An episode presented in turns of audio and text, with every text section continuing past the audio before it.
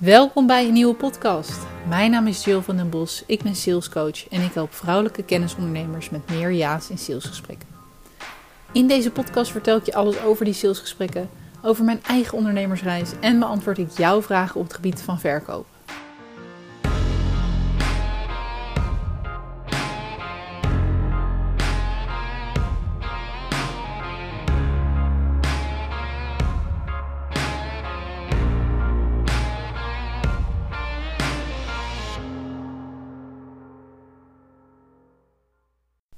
Ja, welkom bij een nieuwe podcast. Ik heb uh, gisteren aangekondigd op Instagram dat ik ben verloofd. En ja, mijn DM ontplofte zowat. Met natuurlijk felicitaties, mega lief. Ook onder de post. Echt uit alle hoeken en gaten. Ik heb volgens mij nooit een post gehad die het zo goed had gedaan. Maar ja, het is natuurlijk ook iets wat niet heel veel voorkomt. Of nou ja, mag je hopen dat het niet heel veel voorkomt. Ik hoop in ieder geval dat het niet heel veel voorkomt, laat ik het zo zeggen. Uh, ik geloof niet per se in, uh, in heel je leven met één persoon moeten zijn. In de zin van mijn ouders, die zijn ja, gelukkig gescheiden. Um, ik heb meegekregen hoe het, hoe het is vanuit mijn moeder vooral om voor jezelf te kiezen en je eigen geluk te gaan. Ondanks dat ja, de financiële situatie het niet helemaal toelaat. Um, en ik ben daardoor niet mijn geloof en liefde verloren, maar wel ja, twijfel ik regelmatig van is het van deze tijd om echt de rest van je leven met iemand samen te zijn. Nu moet ik zeggen dat, uh, dat ik merk bij vrienden en ook bij mijn verloofde dat het een soms afwijkende mening is. Maar het geeft mij gewoon veel lucht om het, om het per dag te bekijken. En per dag is het waanzinnig leuk. Heb ik de allerbeste tijd met deze jongen. Dus uh, ja, let's go. En ik geloof wel in, in liefde en dat het voor altijd kan zijn hoor. Alleen ja, geeft het mij gewoon veel lucht om het per dag te bekijken. Goed, nou. Mijn vriend heb ik vier jaar geleden ontmoet. Even wat side info. Ehm, op, een, uh, op een festival. En uh, nou, op D2 of zo had ik wel even gepeld van... Hey, niet om het een of ander. Hoeft er ook verder helemaal niet over te hebben. Maar nou, ik wil wel ooit graag kinderen. En ik wil wel ooit graag trouwen. Hoe zie jij dat? En hij zei, ja, dat wil ik ook ooit allebei. Top. toen hebben we het er vanaf toen eigenlijk uh, nooit meer over gehad.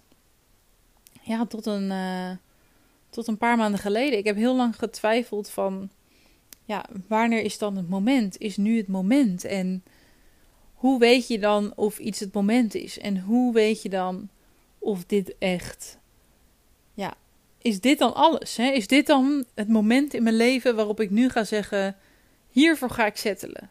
Hè? Uh, bij trouwen, maar ook met een kind. Ja, het zijn wel grote keuzes. Uh, bij een huis kopen had ik dat zelf dan weer minder, maar nu kwam dat ineens heel erg op. Dus nou ja, ik heb dat uh, uiteraard besproken met mijn vriend dat dat in mijn hoofd zat en dat ik er wel over nadacht.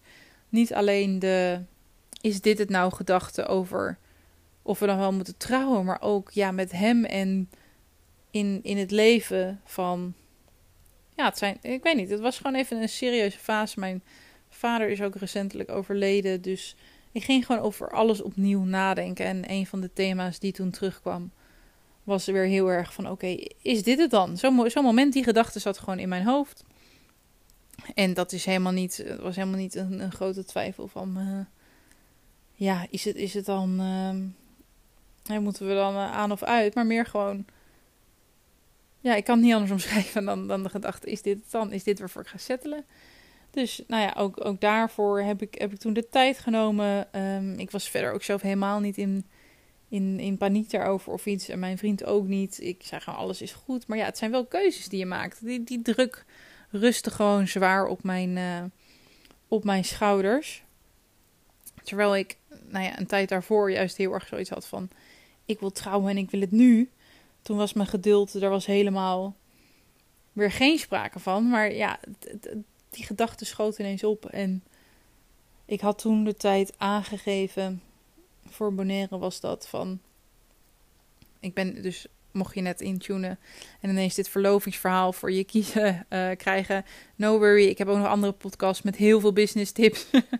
en heel veel sales tips. Uh, maar deze gaat toevallig over mijn verloving. Luister ook vooral een andere als dat je niet interesseert, wat ik me heel goed kan voorstellen.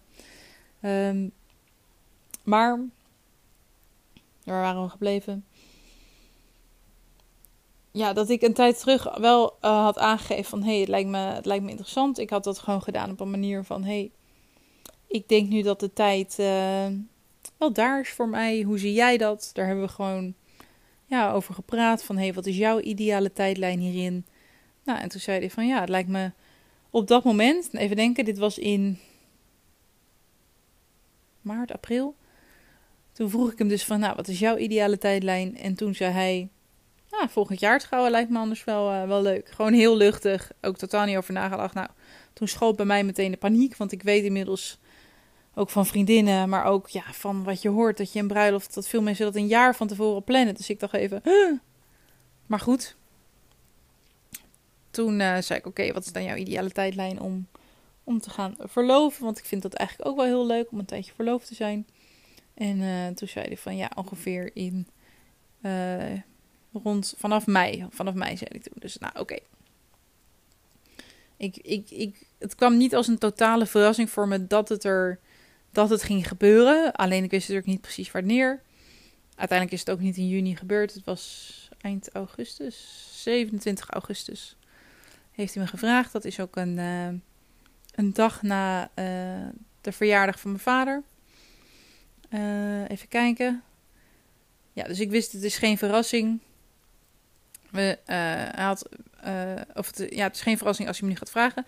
Wat wel een verrassing was, was wat we die dag gingen doen. Hij had een verrassingsactiviteit in de agenda gezet op 27 augustus. En nou ja, ik ken deze beste jongen al vier jaar. Dit was de eerste keer dat er een verrassingsactiviteit in de agenda stond. Dus ik had wel een licht vermoeden van hé, hey, misschien zou het wel eens deze dag kunnen gebeuren. Daar hoef je geen Sherlock Holmes voor te heten. Maar ik wist verder niet wat we gingen doen. Ik wist uh, half vier moeten we in Amsterdam zijn. Dus nou, we gingen een uurtje van tevoren weg. En um, toen kwamen we in Amsterdam aan bij een, um, een, een pontje. Dus wij gingen op dat pontje. En ondanks dat ik wel ja, een vermoeden had dat het ging gebeuren, had ik niet, ja, zocht ik niet achter alles iets, weet je wel. Ik dacht, ja, ik moet ook niet mijn verwachtingen te hoog hebben. Want voor hetzelfde geld denk je gewoon, we gaan een avondje gezellig uit eten. Uh, en op het pontje wist ik al wel dat hij naar Vuurtoren-eiland ging. En dat wij naar Vuurtoren-eiland gingen. Nou, het pontje was, uh, was reuze gezellig. Uh, mijn oude ja, afdelingsmanager van toen ik stage liep zat ook op die boot. Dus die kwam naar me toe. Hey Jill, leuk dat je er bent. Met hun een beetje gekletst en gedaan. Dus je altijd zien, je zit echt met z'n 25 op zo'n bootje. En kom je net bekenden tegen. Toen kwamen we aan op het eiland. En nou, het is echt prachtig daar. Je krijgt ook een rondleiding en het een en ander te horen over de geschiedenis van het eiland. En hoe dat is gebruikt als verdedigingsmechanisme. En uh, waar ze dan sliepen, hoe ze woonden. Uh, ja, hoe, hoe de eigenaren van het restaurant dit concept hebben bedacht. En dan loop je eigenlijk heel leuk naar dat ja, restaurant toe. Waar je al jongens in de keuken hard ziet koken. En we hadden een prachtige plek met uitzicht op de vuurtoren. Achteraf een van de mooiste tafels, zo bleek. Want nou ja, mijn vriend had dus gebeld van... hey, dit en dit gaat gebeuren. Um, ja, zou ik een beetje een leuk plekje mogen? Uh, waar een goede plek op het eiland om te doen? En ja, ze hadden dus helemaal meegedacht en gedaan en ons een hele mooie tafel gegeven. Wat wel grappig was, want iedereen wist dus ook dat dat daar ging gebeuren, behalve ik. Ja, en de andere mensen in het restaurant natuurlijk. Maar tussen de gangen door mag je dus het eiland een beetje verkennen en doen. En dan, ja, gaan zij een beetje wachten met, met de gang tot je weer terug bent. Dus nou, we gingen lopen en toen uh, zei mijn vriend van... hey, laten we langs de vuurtoren lopen. Dus ik, nou, hartstikke leuk. En ik had natuurlijk wel mijn achterhoofd van... ja, het zou zomaar kunnen gebeuren hier, nu en vandaag. Maar leuk. Ja, ik, ik kon alleen maar volgen. Ik moest me gewoon helemaal overgeven. En normaal gesproken ben ik dus ook iemand die heel graag dingen regelt. Hè? Want Kijk, het is natuurlijk makkelijk te zeggen dat dit de eerste verrassingsactiviteit in, uh, in vier jaar was. Maar dat komt omdat ik het altijd heel leuk vind om dingen te regelen en te doen en te organiseren. En hij het altijd prima vindt om te volgen. Dus het is ja, een, een, een gouden combinatie. Maar um, ja, bij de vuurtoren toen uh, gingen we nog... Eh, we waren daar zo aan het lopen, zeg maar. Toen zei hij, oh mooi, leuk, leuk. En toen liepen we een beetje de heuvel af. Ik krijg weer een kriebel in mijn buik als ik het vertel. En toen zei hij, toen startte hij met, uh, ja, het is natuurlijk vier jaar geleden dat je naast kan zitten op een festival. En nou ja, toen zei hij nog wat, uh, wat hele lieve woorden over dat we bij elkaar waren, weet je wel. En uh, ja, dat hij heeft de hand van mijn vader gevraagd op zijn op sterfbed, meer dan een jaar geleden. Of eigenlijk, ja, net, net een jaar geleden in september ook. En toen refereerde hij daar nog naar. Nou, ik was toen al aan het huilen. Mij had je al. En ja, voor ik het wist, zat hij op zijn knie met een, een ring zonder doosje. Die hij zo uh, naar boven hield. En nou, ik zal zo nog uitleggen waarom dat een grappig detail is. En toen zei hij dus: Ja, wil je met me trouwen? Ja, en dan. Ja, ik was al aan het huilen, maar ik, ik bleef huilen. En ik zei: Ja, heel graag. En uh, nou, dat was een waanzinnig mooi en, uh, intiem moment. En ja, dan ga je daarna terug naar het restaurant. En dan doe je dus. Nou, je doet niet alsof er niets gebeurd is. Maar ja, niemand weet echt wat er gebeurd is natuurlijk. Dus je zit daar, ja. En ik was ook een soort van in shock van is het nou echt gebeurd of niet? En hij vertelde dus ook dat hij die ring zonder doosje had meegenomen. Omdat hij zei, ja, jij hebt altijd alles zo goed door. Ik, ik, het had echt opgevallen als ik als man of ineens een, een, een Noordface rugzak meeneemt met één ringdoosje erin. Of sowieso ineens een rugzak meeneemt. Dat is natuurlijk raar. Of, uh, of je had het zien zitten in mijn zak. Dus hij had de ring in zijn portemonnee gedaan. En heel goed opgelet, naar zijn zeggen, dat hij niet kwijtraakte. Nou, dat is ook gelukt. De ring was wel te groot. Dus ik kreeg, kreeg ook wat comments van... Hey, ik zie nog niet de ring. Of ik heb je ring nog niet gezien. Nee, dat klopt. Hij is te groot. Hij wordt vermaakt. En... Um, ja, dan uh, ander steentje komt er ook in, volgens mij. Nou ja, dat, uh, dat komt helemaal goed, maar vandaar dat je hem nog niet hebt gezien. Ik zal hem nog wel even delen als het zover is op mijn Insta-stories. Dus uh, nou ja, val je ineens in de podcast, heb je geen idee hoe je hier terecht bent gekomen of wie ik ben. Kijk dan ook vooral even op Instagram, uh, Jill van den Bos. En daar deel ik dagelijks ook heel veel over mijn leven en natuurlijk heel veel over sales en business inzichten en ja, hoe je meer kunt verkopen in jouw bedrijf. Dus nou, toen hebben we nog gegeten, toen hebben wat mensen gebeld. En uh, ja, dat was echt. Uh, dat was niet normaal leuk. En nog steeds. We hebben. Ik, ik zei net, ik ben dus 27 augustus verloofd. En toen eigenlijk. Ja, ik deel heel veel van mijn leven op Instagram. Dus ik wilde gewoon graag in alle rust al mijn vrienden en familie en kennissen dat, dat rustig vertellen. Zonder dat ze het via Instagram te horen zouden krijgen. Maar dat is de reden dat ik het iets later heb verteld. En uh, ja, dat was niet normaal leuk om te doen. En heel veel kaarten en ballonnen en allemaal superleuke dingen ontvangen. Dus nou, ik voel me echt enorm geliefd. En ik had het ook al op, op Instagram gedeeld van uh, alle doelen dit jaar, weet je wel. En, en dan ook uh, behaald of bijna behaald. En dan ook nog dit nu als kers op de taart, wat ja, in vergelijking met vorig jaar, wat een van de zwaarste jaren van mijn leven was, omdat ik mijn vader verloor.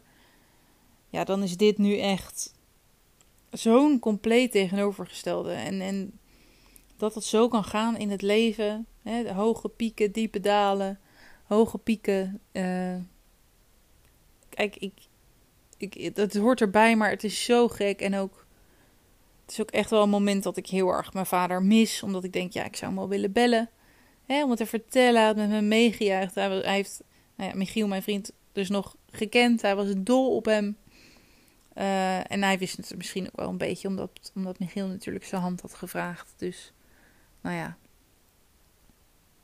Ik, uh, ik, ik, ik denk graag dat hij dicht bij me is. En uh, als je dat denkt, dan, dan is het in ieder geval zo in jouw eigen realiteit. Dus daar hou ik me aan vast. En dat geeft me heel veel troost. En ja, dank je wel voor jouw interesse in deze podcast. En dat je me volgt op, op Instagram. Of, of waar dan ook, mijn nieuwsbrief misschien. En uh, ja, dat je, dat je deze blijdschap met me, met me deelt. En, en me steunt. En online lijkt altijd een, een andere wereld. En niet al mijn vriendinnen die hè, loondienstbaan hebben en helemaal niets in het ondernemersleven doen. Die, die snappen het soms niet helemaal. En dat is helemaal oké. Maar voor mij is het ja, niet alleen mijn werk, maar ook een, een community en een, een, een netwerk in de meest positieve, warme zin hè, van het woord wat ik om me heen verzamel, waar echt verdriet wordt gedeeld en vriendschappen worden gesloten en geluk wordt verdubbeld. En ja, dat, daar ben ik zo enorm dankbaar voor. En, en jij als luisteraar draagt eraan bij. Dus dankjewel dat je in mijn netwerk bent. En ik hoop dat je hebt genoten van deze podcast. Bedankt voor het luisteren. Ik hoop dat deze podcast je heeft geprikkeld, op welke manier dan ook. Want dat is mijn doel: jou een liefdevolle schop naar je kont geven. Want er ligt nog zoveel moois op je te wachten. Wil je meer weten over wat ik je kan bieden? Regelmatig geef ik masterclasses over dit onderwerp. Schrijf je in voor mijn nieuwsbrief om hier als eerste van op de hoogte te zijn.